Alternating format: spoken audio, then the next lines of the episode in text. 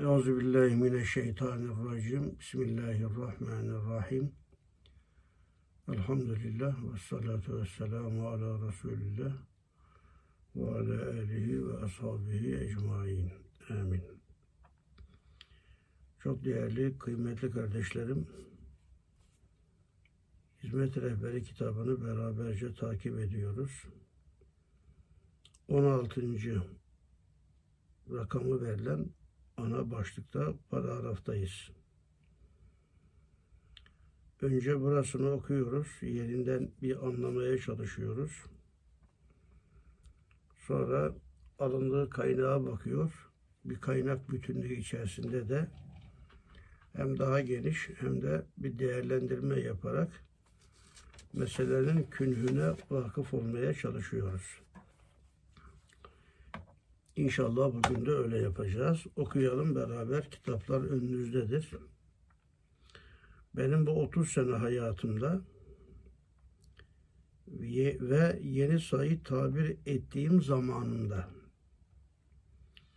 bütün Risale-i Nur'da yazdıklarım ve şahsıma temas eden hakikatlerin tasdikiyle ve benimle ciddi görüşen ehli insaf zatların ve arkadaşların şehadetiyle iddia ediyorum ki ben nefse emmaremi elimden geldiği kadar hot furuşluktan, şöhretperestlikten, tefahurdan men'e çalışmışım ve şahsıma ziyade hüsnüzan eden nur talebelerinin belki yüz defa hatırlarını kırıp cerh etmişim. Ben mal sahibi değilim. Kur'an'ın mücevherat dükkanının bir biçare dellalıyım dediğimi hem yakın dostlarım hem kardeşlerimin tasdikleriyle ve emarelerini görmeleriyle ben değil dünyevi makamatı ve şanı şerefi şahsıma kazandırmak, belki manevi büyük makamat faraza bana verilse de fakat hizmetteki ihlasıma nefsimin hissesi karışmak ihtimaline binaen korkarak o makamatı da hizmetime feda etmeye karar verdiğim, fiilen de öylece hareket ettiğim halde mahkeme-i âlinizde güya en büyük ve siyasi mesele gibi bana karşı bazı kardeşlerimin nurdan istifadelerine manevi bir şükran olarak ben kabul etmediğim halde nokta nokta diyor. Halde nokta nokta deyince bunun bu cümlenin devamı var demektir. Değerli kardeşlerim bu bölüm şu ağlarda geçiyor. 14. şu ağda 381 den başlıyor aslında. Burada 384 385 demiş. 381 ile 385 arasında geçen olayların özetinde üstad şahsıyla alakalı bir hususu bizlere yansıtmış oluyor meseleyi o günkü şartlar içerisinde yeniden de bir defa daha ele alabiliriz. Bundan 30 sene benim bu 30 sene hayatımda dediği noktaya gelince önce bu paragraf üstünde duralım. Üstad Hazretleri bunu Afyon Mahkemesi Afyon hayatında yazmış. Afyon hayatı da tarihçi hayattan da okuyabilirsiniz. 1948 senesini tevafuk ediyor. Üstadın hayat kronolojisi üstünde daha önce durmuştuk. Sizler de durabilirsiniz. Üstad hayatında hangi safhalarda, hangi senelerde geçmiş onun üstünde duralım. Evet, 1947 senesinin son aylarında Afyon'dan 3 sivil polis memuru güya memleket çapında gizli bir dini cemiyetin faaliyetine aşina olmak için Emirdağ'a gelmişler. Başta Üstad Hazretleri ve onun talebelerini tespit etmeye çalışıyorlar. Sudan bahaneler icat ederek Üstadı almışlar Afyon'a götürmüşler. Ve aynı zamanda talebelerini de toplamışlar. Afyon hapsine atmışlar 1947'nin sonlarına doğru. Şimdi burada benim bu 30 sene hayatımda dediği 1927'ye gidiyor. İşte 1927 senesi de üstadın Yeni Said diye ifade ettiği dönem. Onun için burada benim bu 30 sene hayatımda ve Yeni Said tabir ettiğim zamanımda dediği 30 sene işte bu bağlantı içerisinde ele almalısınız. Bildiğiniz gibi Üstad Hazretleri hayatında üç ittiham ile hep tutuklandı, yargılandı, sürgüne gönderildi. Bunlardan bir tanesi dini siyasete alet etme iddiası. Bunu hiçbir zaman ispat edemediler. Bir en küçük delil de sunamadılar. Çünkü hakikati halde böyle bir şey yoktur. Bin siyasetim olsa o dine feda olsun değil, dini siyasete alet etmek. Ben siyasetçi değilim de ama bin tane siyasetim olsa dinin en küçük meselesine feda olsun anlayışında olmuş. Senelerce işte bir bundan dolayı işkenceler gördü. İkincisi şahsi nüfuz temini. Kendi şahsiyetini ortaya çıkartıyor ve önder oluyor, kanaat önder oluyor. İleride bu insan böyle meşhurlaşınca, insanlar da buna bağlanınca ne yapacağı belli olmaz. Aleyhimizde bir şey konuşur. Rejimin adamlarının korkusu. Onun için bu şahsi nüfus temin ediyor. Bu şahsi nüfus temini içerisinde burada da geçen ince bir mesele var. Üstada makam veriyorlar. Halbuki üstad diyor ki Risale-i Nurlardan istifade etmelerinin bir şükranı olarak bana ben istemediğim halde saygı gösteriyorlar. Ama onlar kendime makam veriyorum zannediyor. Ve burada diyor ki faraza en büyük makam da bana verilse. O güne göre en büyük makam Mehdilik makamı. Üstada müceddit diyenler var. Pek çok insan da demiş. Ama o günkü Mehdi yani.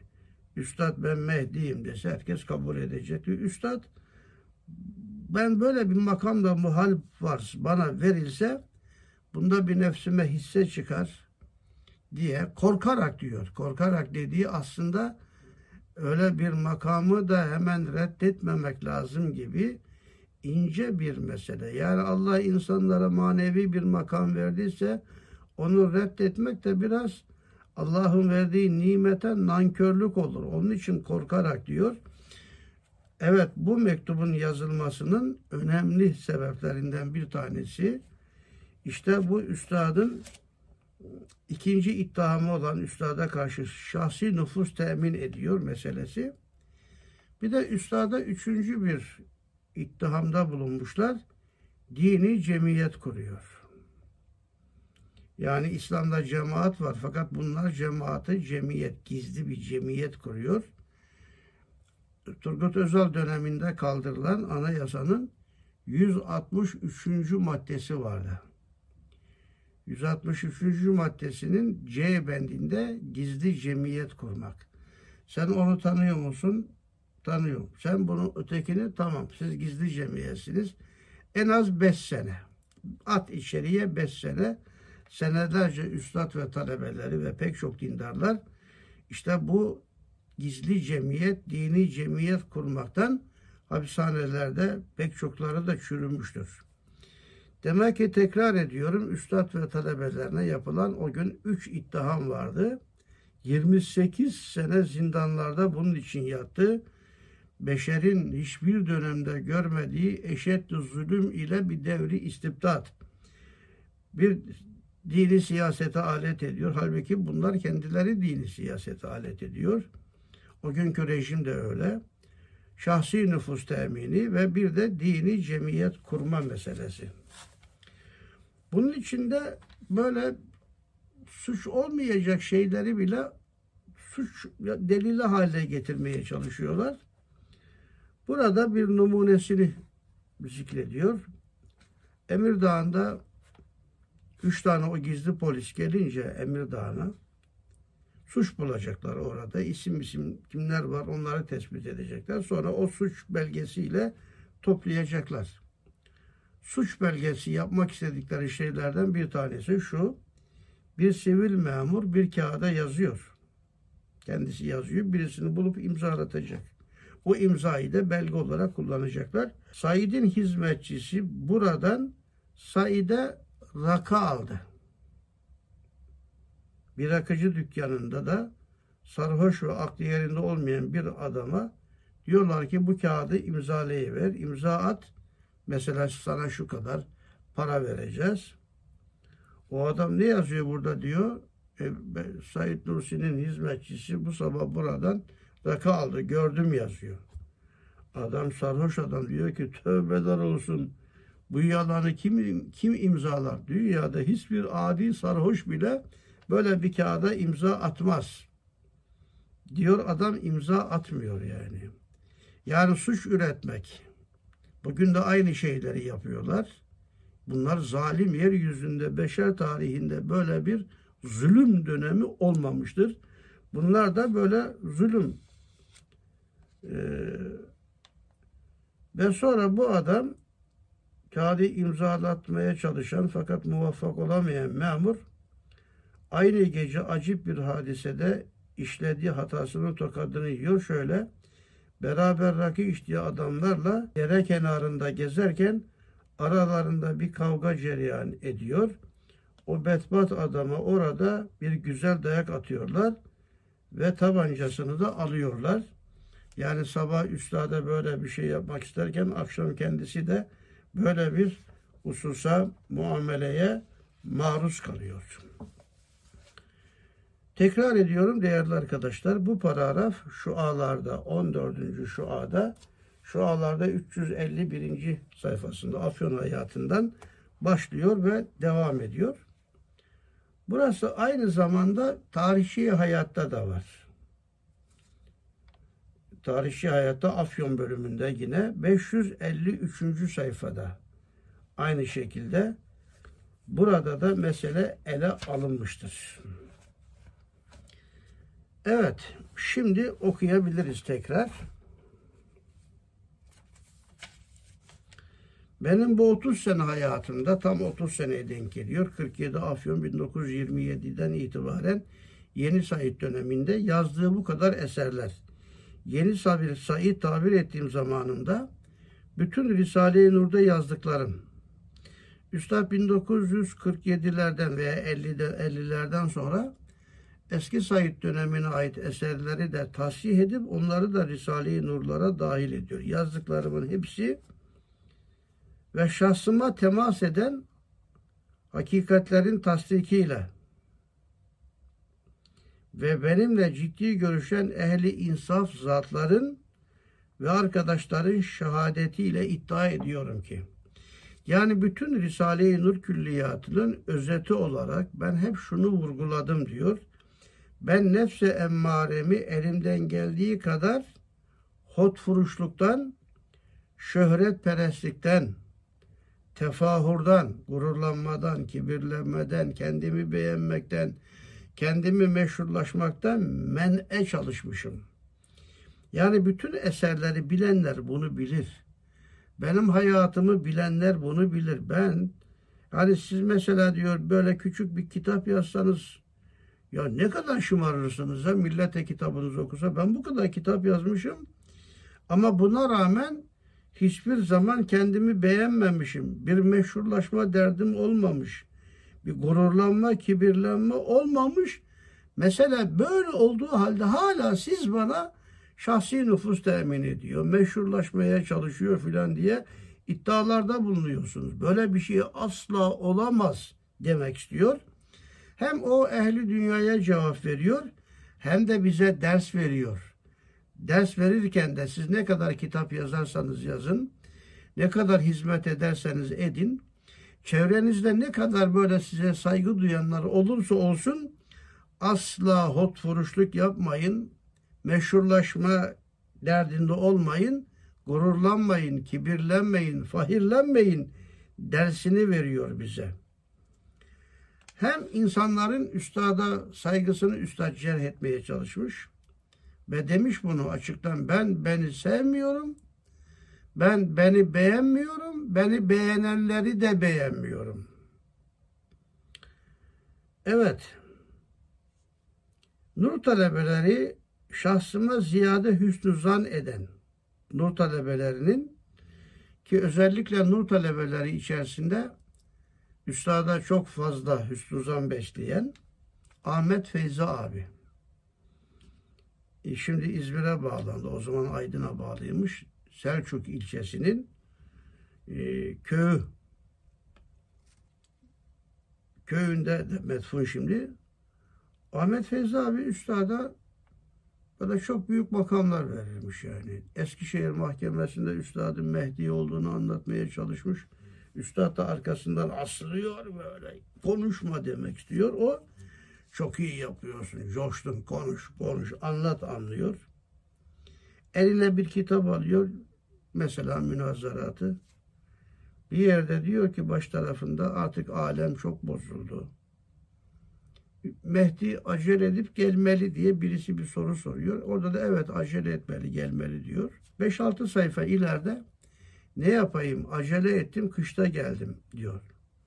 Şimdi Ahmet Feyzi abi kitap alıyor eline diyor ki üstadım burada acele etmeli Mehdi gelmeli diyorsun. Burada da acele ettim geldim diyorsun. Ben ikisi arasındaki irtibatı çok kuramadım.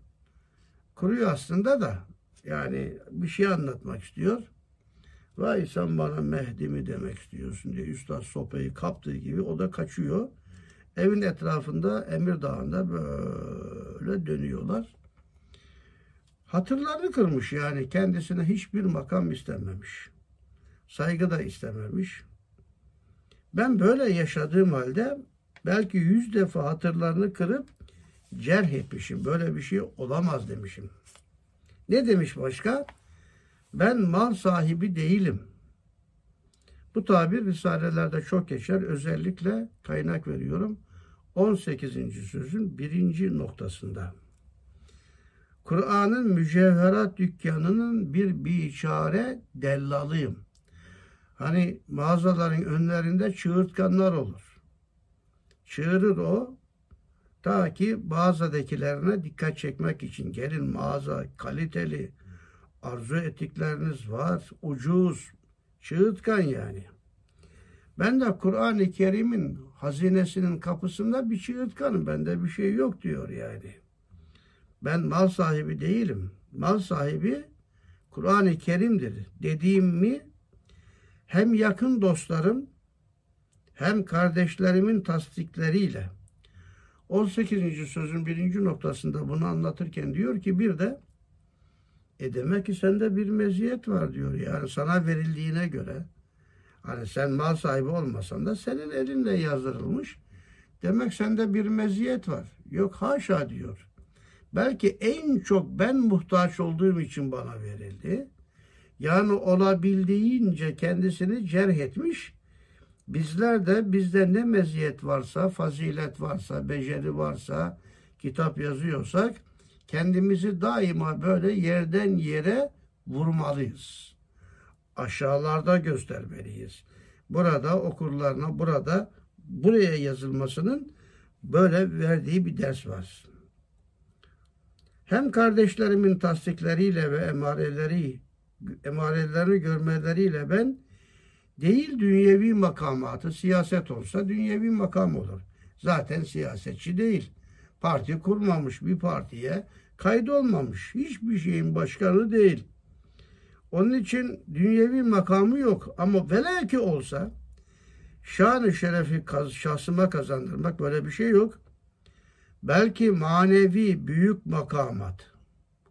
Manevi büyük makamat dediği işte müceddit dersiniz, veli dersiniz, o güne göre Mehdi diyenler vardı faraza o büyük makamat faraza bana verilse de Fakat hizmetteki ihlasıma, nefsimin hissesi karışmak ihtimaline binaen korkarak.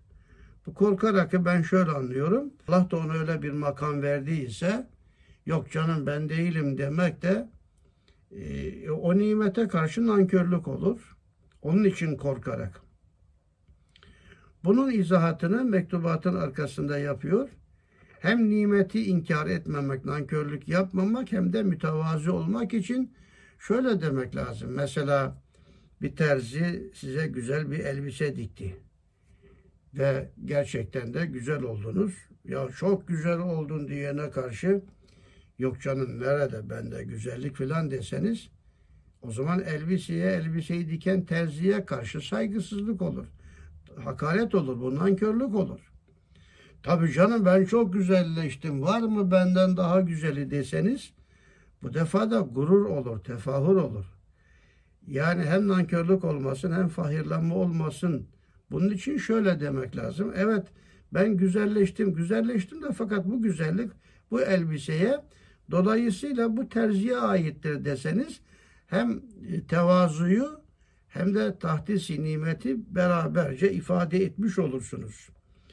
Burada şimdi Üstad eğer Mehdi ise ki ben fakir öyle inanıyorum bu icraatı yani bu kitapları bir insan normalde yazamaz. O kadar şartlar içerisinde kütüphanesi yok, kaynaklar yanında değil. Bu külliyatı okuduğunuz zaman da göreceksiniz ki yani bu başka türlü asla yazılamaz. İşte ihlas kırılsın kırılmasından bir de korkarak o makamatı da hizmetime feda etmeye karar verdiğim burada dört tane prensibi ezberleyeceksiniz arkadaşlar. Bir, Risalelerde hizmet rehberinde geçen dört prensip bu. Burasını da alakadar ediyor. Bunu daha önce ta işin başında söylemiştim. Bir, hizmetkarlığı makamata tercih edenlerdeniz. Bizim için hizmetkarlık esastır. Hizmetkarlık en büyük makamdır. İki, vazife, hizmet cümleden ala, nefis cümleden edina demek. Üç, dünya darul hizmet, ahiret darul ücrettir demek. Evet dünya hizmet diyor. Eğer bir makam olacaksa cennet makamları Allah'ın indinde rü'yetullah'a maseriyet makamı gibi onlar ahirette. Dünya darul hizmet, ahiret darul ücrettir. Dört, hizmetlerde daima en önde bulunmak mükafatın, bu mükafat maddi olabilir, makam olabilir, manevi makam olabilir. Hizmetlerde daima en önde bulunmak, mükafat almadan, mükafatın tevziinde en arkada olmak, hatta nefsini unutmak. Yok canım ben öyle bir şey yapmadım demek. İşte bu dört prensipten bir tanesini tekrar buraya koymuş. Belki manevi büyük makamat faraza bana verilse de fakat hizmetteki ihlasıma nefsimin hissesi karışmak ihtimaline binaen korkarak o makamatı da hizmetime feda etmeye karar verdiğim fiilen de öyle hareket ettiğim halde mahkemeye alinizde bunu mahkemeye söylüyor. Mahkemede değil herhalde de onlara üstadı konuşturmamışlar bile. Az sonra açacağım bunları. Üstada böyle neden sen buraya geldin ne yap sormamışlar yani. Bir sarhoşa bir şeyler imzalatmışlar. Yalancı insanlara bir şeyler kuru iftira attırmışlar. Sormamışlar bile. Cezam bu demişler yani. Cezası da yok. Yani şu kanun maddesine göre sen şöyle ceza aldın da yok. Suç yok, ceza yok. 28 sene hapis. Oh ne güzel yani. Rejim açısından. Buna eşetti istibdat, eşetti zulüm demiş üstad. Evet, fiilen de öyle hareket ettiğim halde mahkemeye alinizde güya en büyük siyasi bir mesele gibi bana karşı bazı kardeşlerimin nurdan istifadelerine manevi bir şükran olarak ben kabul etmediğim halde diyor. Şimdi o kabul etmediğim haldeden sonraki yeri okuyorum. Kabul etmediğim halde şimdi şöyle devam ediyor. Pederinden çok daha fazla hürmet etmesini. Yani üstadın talebelerinin bir kısmı babalarından daha fazla üstada hürmet gösteriyorlarmış. E ben istemiyorum diyor. Onlar da risalelerden istifade etmenin bir şükrü olarak belki bunu yapıyorlar. Babalarından daha fazla hürmet etmesini medar sual ve cevap yaptınız. Niye bu insanlar sana saygı gösteriyor? Niye sana değer veriyor diye bunu bile üstada sormuşlar. Bir kısmını inkara sevk ettiniz. Bazılar korkusun demiş ki hayır ya biz babamızı daha çok seviyoruz. Ve bize hayretle dinlettirdiniz. Yani üstadın yanında öyle demek mecburiyetinde kalıyor bazıları. Aslında üstadı babasından fazla seviyor. Zaten alim babadan daha fazla sevilmeli. İmam Gazali Hazretlerine göre İhyasından okuyabilirsiniz. Hoca hakkı baba hakkından fazladır. Çünkü diyor İmam Gazali baba dünyaya çocuğunu dünyaya getirmeye vesiledir. Hoca ise manevi inkişafına bu alemde bu aleme niçin getirildiğini anlatır. Öbür alemde ebedi saadetine vesiledir. Dünyaya getirmeye vesile olan mı yoksa ebedi saadeti kazandıran mı daha çok sevilmeli kıyaslamasını anlatıyor İmam Gazali Hazretleri. İhyasının en başında birinci bölüm ilim bölümüdür. Oraya da bakabilirsiniz. Tabi öyle deyince emniyette üstadın talebeleri biz annemizi babamızı daha fazla üstada karşı da mahcup oluyor. Biz de dinliyoruz onları diyor yani. Acaba kendi razı olmadığı yani ben kendim razı olmadığım halde kendini layık bulmadığı halde başkalarının onu met etmeleriyle o bir içare bir suç tevehüm edilebilir mi? O bir içareye bir suç tevehüm edilebilir mi? Niye sana başkaları saygı gösteriyor diye üstadı hapse atıyorlar yani. Ya göstermesinler ben istemiyorum. Gösteriyor. Yok sen suçlusun canım. Gizli cemiyet kurdun. Şahsi nüfus temin ediyorsun. Haydi hapishaneye mesafesinde. Değerli kardeşlerim üstadı 1947'lerde tekrar Afyon'a getiriyorlar.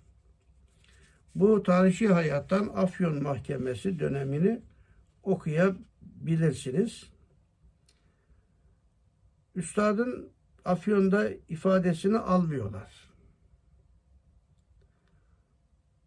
Ama tamam sen suçlusun diye içeriye atıyorlar. Üstad da yattığı, mefkuf olduğu odadan onlara müdafaa gönderiyor. İşte Afyon bölümünde, Afyon hayatında ve şu ağlarda olan bir de şu ağlarda 14. şu ayda alınmış. Mesela bu. Şöyle bir başlık var. Afyon Mahkemesi'ne ve ağır ceza reisine beyan ediyorum ki mahkemede bir şey sormuyorlar. Atıyorlar hapse. Sorgusuz sualsiz senelerce üstadın kaldığı hapishaneler içerisinde en çok çile çektiği yer Afyon'dur. O zaman hapishaneler basit Böyle tuvalet penceresi gibi pencere olur hapishanelerde. Duvar yüksek, dışarısını göremesin. Bir de bu tarafta var. iki camı kırıyorlar tepeden. Cereyan yapıyor. Altı beton, üstü beton. Yağmur yağmış veya kar yağmış yavaş yavaş betonun altına girmiş su. Nemli, rutubetli. Sarkıt oluyor soğuktan. Buzlar. Ve öyle bir anda sobada yok. iki ay dayanabilir misiniz? Gerçekten Hiçbir sorgu yok. Hiçbir sual yok. Suçu belli değil hapishanede. Aynen bugünkülerin yaptığı gibi. Yani o zamankiler, o, o dönemdekiler belki kafirdi, dinle problemi vardı. Ama şimdikiler ise münafık. Münafık kafirden eşet. Üstad gerçi o dönemdekilerine de münafık diyor. Kafir Rus'un bana yaptırmadığını güya dostlarım, vatandaşlarım, güya dindaşlarım bana daha eşetlini yaptılar. Zira münafık kafirden eşettir diyor. Bugünküler de muzaaf münafık yani dindar görünümlü, namaz kılma görünümlü, ve münafık, katmerli münafık yani. Yani Abdullah İbni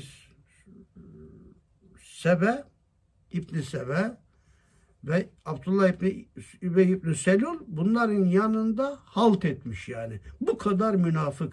Hiçbir suçu yok. Ama hapiste. İşte burada uzunca bir mektup yazıyor onlara müdafaa. Sonra bir defa daha mektup yazıyor. Zeyli olarak işte bu mektup bu Afyon savcısına, ağır ceza reisine yazdığı mektubun içinden alınmış bir bölümdür. Şimdi Afyon Mahkemesi'ne ve Ağır Ceza Reisi'ne beyan ediyorum ki sayfasından okuyorum. Eskiden beri fıtratımda tahakkümü kaldıramadığım için Üstad hiçbir baskıya gelmem ben diyor eskiden beri. Ben Rus kumandanı için geldiği zaman ayağa kalkmamışım. Dünyaya karşı alakamı kesmiştim. Dünya işlerine girersem bunlar hain adamlar benim e, fıtratımla oynar, izzetimle oynarlar diye. Onun için ben dünya ile alakamı bütün bütün kestim. Şimdi o kadar manasız, lüzumsuz tahakkümler içinde hayat bana ağır gelmiş. Yaşayamayacağım artık. Hapsin haricinde yüzler resmi adamların tahakkümlerini çekmeye iktidarım yok. Bu tarz hayattan bıktım. Ben sizden bütün kuvvetimle tecziyemi talep ediyorum. Beni cezalandırın. Şimdi kabir elime geçmiyor. Yani Allah beni öldürmüyor ama başka yerde söylüyor bunu. Eğer dinim beni intihardan men etmeseydi bugün sayı topraklar altında çoktan çürümüş gitmiş olacaktı. Hayattan o kadar bezdirmişler ki biz de üstadın o halini öğrenerek halimize şükretsek tabi yerinde olur. Hapiste kalmak bana lazımdır. Makamı iddianın asılsız isnat ettiği suçlar siz de bilirsiniz ki yok. Öyle bir suç yok. Bugün de yok. Ya aynı Türkiye Cumhuriyet kurulduğu günden beri rejimin ruhu hiç değişmemiş. Dindar gibi görünenler gelmiş, milliyetçi gibi görünenler gelmiş. O ondan hain, o ondan alçak. Fakat beni manen cezalandıracak vazife hakikiyeye karşı büyük kusurlarım var. Kendisini üstad kusurlu görüyor şimdi. Eğer sormak münasipse sorunuz cevap vereyim. Onlar onu bile sormuyor. Üstad burada bazı hususlara dikkat çekiyor. Evet büyük kusuratlarımdan bir tek suçum. Üstad buradaki suçum dediği de tarihçi hayatın baş tarafında benzeyen 11 buçuk cinayetle alakalı oradaki kusurlar değil de ben ki köylü bir adamım diyor. Mesela hamalların isyanında onların isyanlarını bastırdım. Ben ki köylü bir adamım. Ne işim var benim böyle hamalları gelin itaat edin demeye. Demek haddimi açtım. Ben demek ki bir cinayet işledim. Cinayet değil yani. Aynen oradaki cinayet mantığında evet büyük kusurlarımdan bir tek suçum neymiş? Vatan ve millet ve din namına mükellef olduğum büyük bir vazifeyi vatan namına ben bu vazifeyi yapmak mecburiyetindeyim. Millet namına ve din namına. Dünyaya bakmadığım için yapmadığımdan hakikat noktasında affolunmaz bir suç olduğuna ve bilmemek bana bir özül teşkil etmediğine şimdi bu Afyon hapsinde kanaatim geldi. Keşke ben de eskiden beri biraz toplum hayatına girip daha farklı insanlarla temas kurup yani güç kazansaydım. Üstadın etrafında bir gücü olsaydı korkularından bunu yapamazlardı. Demek ki böyle bir suç işlemişim ben diyor. Kendi kendine bir nefis muhasebesi. İki. İki yok da burada ben söylüyorum. Sormak mümkünse size cevap vereceğim dediği şeylerde madde madde onlara cevap veriyor. Nur şakirtlerinin halis ve uhrevi nurlara ve tercümanına karşı alakalarına dünyevi ve siyasi cemiyet namı verip onları mesul etmeye çalışanların ne kadar hakikattan ve adaletten uzak düştüklerine karşı üç mahkemenin o cihette beraat vermesiyle beraber deriz ki Eskişehir beraat vermiş, Emirdağ beraat vermiş, Denizli beraat vermiş, Isparta ama hala aynı iftiralarla üstüme geliyorsunuz. Hayat-ı içtimai insaniyenin hususan milleti İslamiyenin üssül esası akrabalar içinde samimane muhabbet. Yani milletin örfü bu. Hocaya saygı gösterir. Manevi ders aldığı kişiye saygı gösterir. Akrabalar arasında samimiyet olur, samimiyet gösterir. Samimane muhabbet ve kabile ve taifeler içinde alakadarane irtibat. Bugünkü mahkemeler de öyle. Niye birbirinize yardım ediyor? Hanımı beyine yardım ediyor. Niye yardım ya? Beyi ya, çocukları, akrabası ya. Yardım etti. Niye onlar da tutukluyor? Dünyada bunlardan daha alçak ikinci bir insan olamaz. Ve İslamiyet milliyetiyle mümin kardeşlerine karşı manevi her müminle mümine karşı. E hoca ise bir saygı duyar yani. Bunlardan dolayı insan hapse atılmaz ki. Mümin kardeşlerine karşı manevi, muavetkerane bir uhuvvet. Bu, bu, bu milletin örfünde var, bu tarihinde var diyor üstad. Bu inancında var. Ve kendi cinsi ve milliyetine karşı fedakarane bir alaka ve hayat ebediyetini, ebediyesini kurtaran Kur'an hakikatlerine ve naşirlerine sarsılmaz bir rabıta. Senin sayende ben imanımı kurtardım. Öyle o zaman sana bağlıyım. Yani bu normal. Çok acayip şeyler söylüyor, söylemiş burada.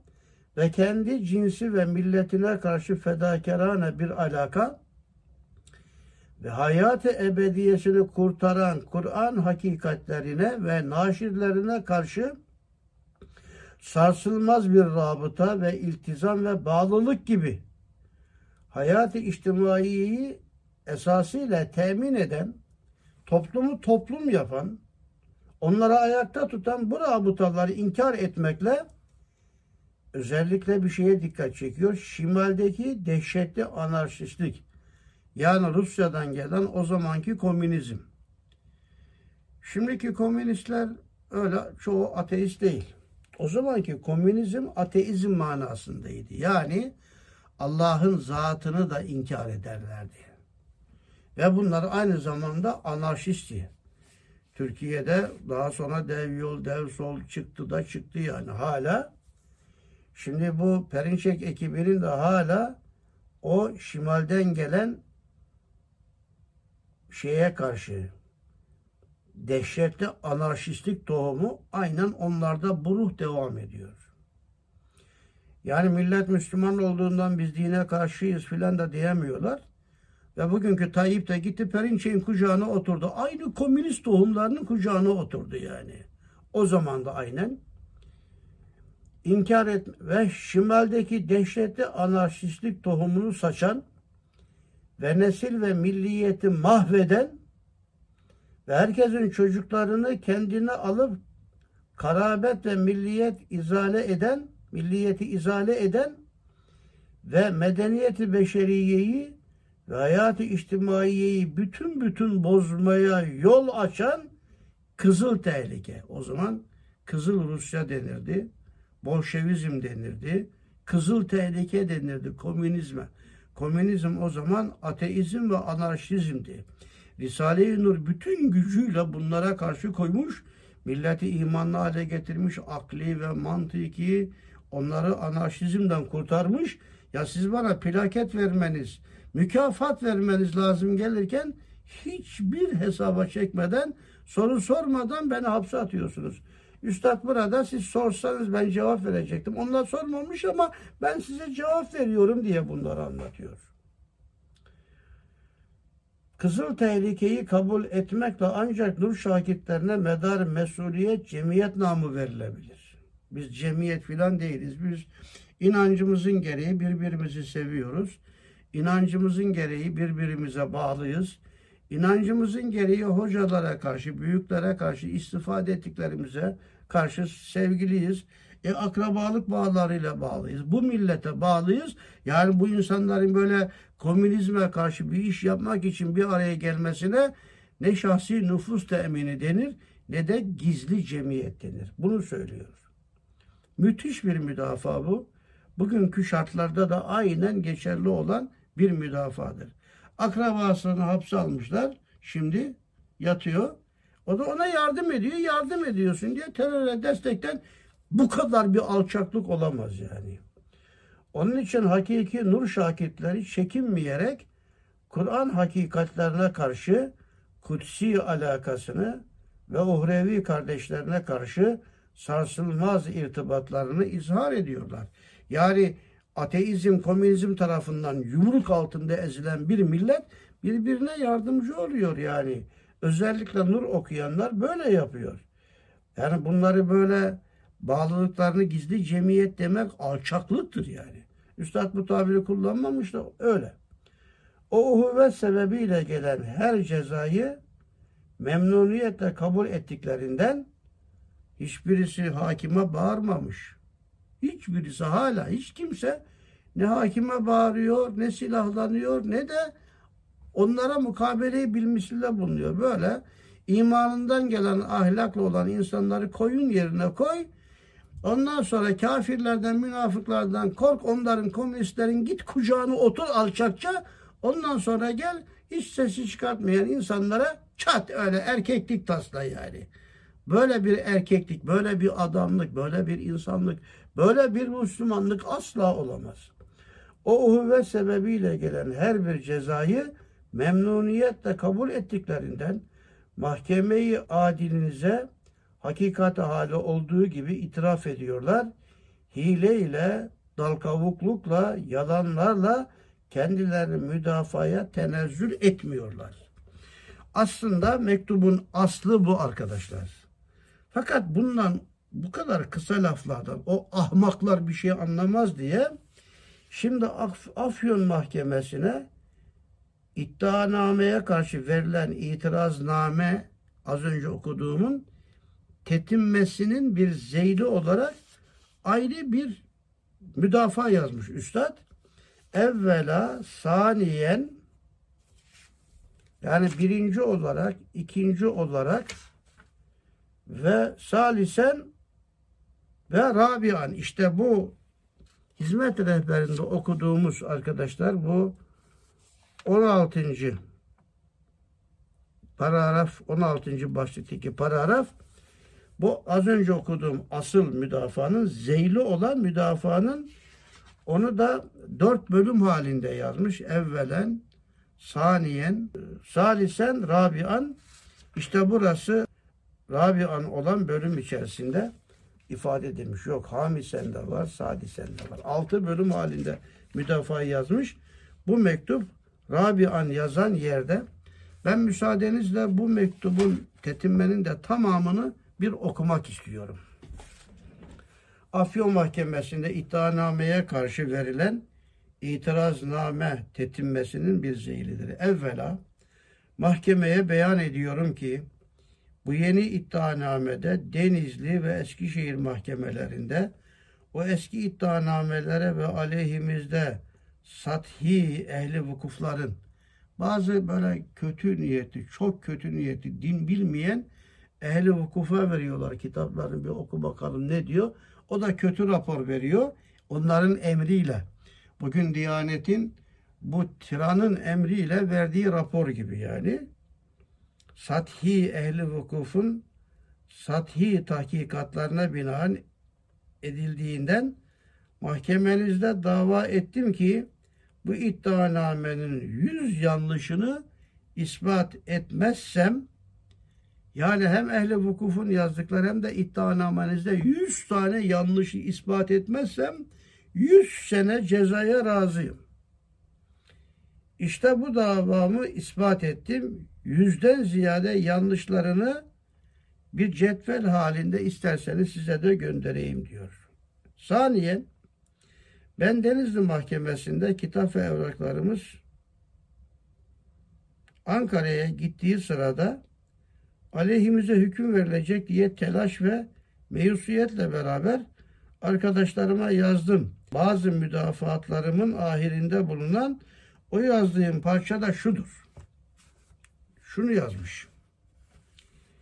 Eğer Risale-i Nur'u tenkit fikriyle tetkik eden zaten tenkitle bakarsanız kusur olmayan şeyler bile kusur olur. Peygambere bile tenkitle bakınca o devrin müşrikleri kendine göre ne kadar kusur buluyordu. Ateistler haşa Allah'ı tenkit nazarla bakınca Allah niye bazılarını kör, bazılarını sağır, bazılarını topal yarattı. Haşa bu Allah'ın kusuru gibi.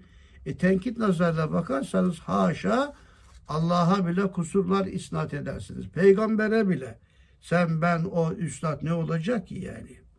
Eğer Risale-i Nur'u tenkit fikriyle tetkik eden adliye memurları imanlarını yani tenkitle okuyor adliyedeki memurlar ama bazıları yine imanını kurtarıyor. Eğer imanlarını onunla kuvvetlendirip veya kurtarsalar sonra beni idamla mahkum etseler şahit olunuz müthiş bir büyüklüktür. Ben hakkımı onlara helal ediyorum. Çünkü biz hizmetkarız. Birilerine beddua etmek için, töhmet altında tutmak için yaşamıyoruz. Biz Kur'an'a, imana biz hizmetkarız. Risale-i Nur'un vazifesi imanı kuvvetlendirip kurtarmaktır. Dost ve düşmanı tefrik etmeyerek hizmet-i imaniyeyi hiçbir tarafgirlik girmeyerek yapmaya mükellefiz. Müthiş bir cümle. Bu, bu, bu da hizmet rehberine alınsaydı iyi olurdu. İşte ey heyet hakime bu hakikate binaen Risale-i Nur'un cerh edilmez kuvvetli hüccetleri elbette mahkemede kalpleri kendine çevirmiş. Aleyhimde ne yaparsanız ben hakkımı helal ederim, gücenmem. Bunun içindir ki eşeddu zulüm ile beni eşeddi istibda tarzında şahsımı hiç ömrümde görmediğim ihanetlerle çürütmekle damarıma dokundurduğu halde tahammül ettim. Hatta beddua etmedim. Şimdi onların ne yaptığını anlatıyor. Bize karşı bütün ithamlara ve bütün isnat edilen suçlara karşı elinizdeki Risale-i Nur mecmuaları benim benim mukabele edilmez müdafaanamem ve cerh edilmez itiraz namemdir. Elinizdeki risaleleri okuyun diyor. Şimdi çok farklı bir şey söylüyor.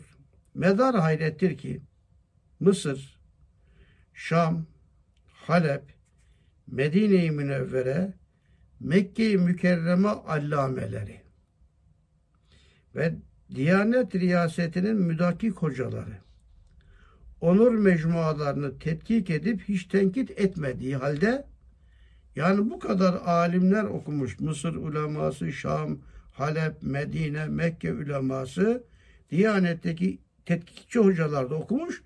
Risalelerde bir kusur bulamamış. Ama mahkeme heyeti işte kendi memurlarından 3-5 insan tayin ediyor. Okuyun da şöyle aleyhte bir rapor ya onlar kusur buluyor. Ya bu Mekke, Medine uleması, Şam, Halep uleması bunda kusur bulmamışlar. Ya senin devlet memuru bunda kusur bulabilir mi? Onu söylüyor yani. Evet. Bir şey daha söylüyor. Onur mecmualarını tetkik edip hiçbir tenkit etmeyerek takdir ve tahsin ettikleri halde iddianameyi aleyhimize toplayan zekavetli zat iddianameler üstadın aleyhinde kullanılmasını söylüyor. Zekavetli zat ismini söylememiş. Bu o günkü herif. Kur'an'ı 140 suredir diye rapor yazarken de demişler ki 140 sure içerisinden Kur'an'dan bunları toplamış filan demiş. Yalan işte. Kur'an 140 sure değil ki. Yani dini bu kadar biliyor adam. E, e, yani inna atayın okumasını bilmiyor. Kur'an 140 sure diyor. Ondan sonra Risalelerin hakkında rapor yazıyor yani. Kur'an'ı 140 suredir diye acip ve pek zahir bir yanlışıyla ne derece sathi baktığı ve Risale-i Nur bu ağır şerait içinde ve benim gurbet ve kimsesizliğim ve perişaniyetimle ve aleyhimde dehşetli hücumlarla beraber yüz binler ehli hakikatte kendini tasdik ettirdiği halde daha Kur'an'ın kaç suresi var olduğunu bilmeyen o iddiacı zat Risale-i Nur Kur'an'ın tefsirine ve hadislerin teviline çalışmasıyla beraber bir kısmında okuyanlara bir şey öğretme bakımından ilmi bir mahiyet ve kıymet taşımadığı görülmektedir diye rapor vermiş adam.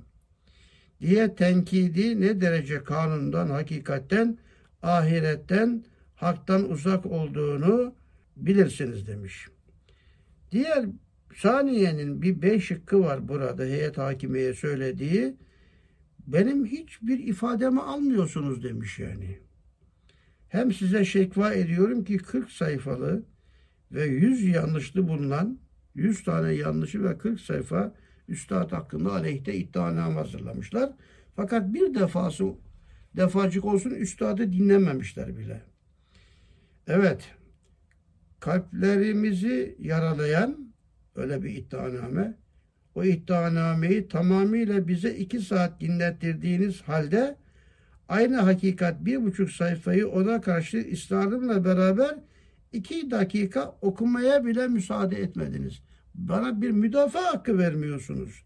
Ona mukabil itiraznamemi tamamıyla okumayı adalet namına sizden istiyorum. Ya müdafaa ettirmiyorlar. Aynen bugün de öyle. Adam dört seneden beri yatıyor. Neye yattığı belli değil. Müdafaa da ettirmiyor. Ya bundan daha alçak bir adalet sistemi olabilir mi? Salisen diyor ve burada bir şey anlatıyor. O günkü hükümet anlatıyor. O günkü hükümet diyor arkadaşlar atlıyorum. Ayasofya'yı puthane yapmış hükümet. Siz mi diyor yani din namına beni yargılıyorsunuz. Ve meşihatı kızların lisesi yapan bir kumandan Atatürk'e ve İsmet İnönü'ye söylüyor bugün o gün. İstanbul Kız Lisesi, ilk İstanbul Kız Lisesi İnaz Sultanisi adı altında Aksaray'da Redif Paşa konağında 1913 yılında öğretime başlamış. Ve 1915 yılında Bezmi Alem Sultanisi Sultani Kız Lisesi olarak tekrar o ismi almış. Ve 1923 yılında İstanbul Kız o Sultani Lisesi, Bezmi Alem Sultani Kız Lisesi Meşahat İslam Dairesi olan Süleymaniye'de bir Meşahat İslam yani bugünkü Diyanet İşleri Başkanı'nın e, fetva kurulu gibi meşahat o gün o onların orada bir binası var. İnternetten bulursunuz. Muhteşem bir bina.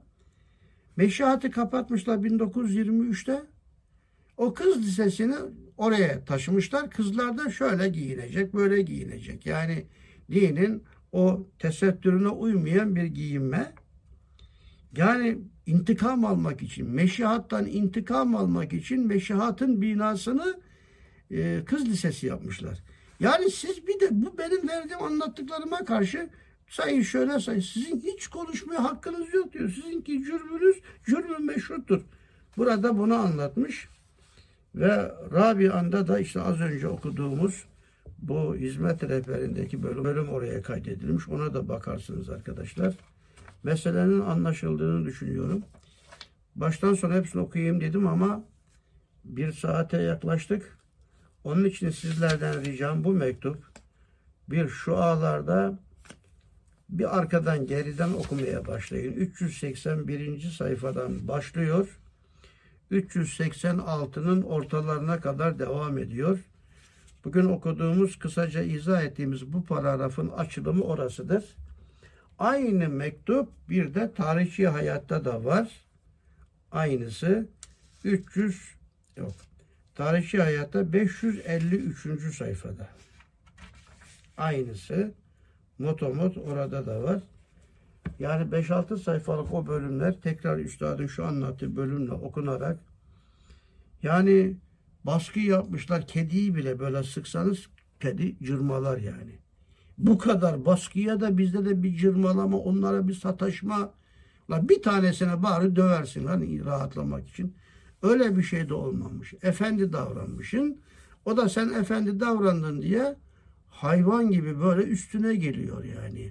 Gidip komünistlerin, Çincik Maocu komünistlerin kucağına oturuyor. Onlara hiçbir şey demiyor. Onlar istediği lafı söylüyor. Ama biz din iman dedik. Hadi hücum et. Yani çok ahmakçasına, bağışlayın, hayvancasına bir icraat oluyor bu. Aynı muameleleri o dönemde üstada da yapmışlar gördünüz. Üstad toplum hayatının dengesini söylemiş. Aslında bu mektupta okuduğum birinci müdafası, asli müdafasında ya biz normal bu milletin örfünde var ya mu muavenet etmek. Bu milletin örfünde var mazluma yardım etmek. Anlatıyor onlar yani o taraflarında dikkatlice okumanızı, hatta ezberlemenizi, o mantığı iyi kavramanızı ve bunu diğer bütün arkadaşlara işlemenizi tavsiye ederim. Okuyayım dedim hepsinde ama fakat uzun sürecek. Mesele maksat anlaşıldığını düşünüyorum. Heyetinize teşekkürlerimi sunuyor. Allah'a emanet ediyorum. Bugünlük sohbet bu kadar.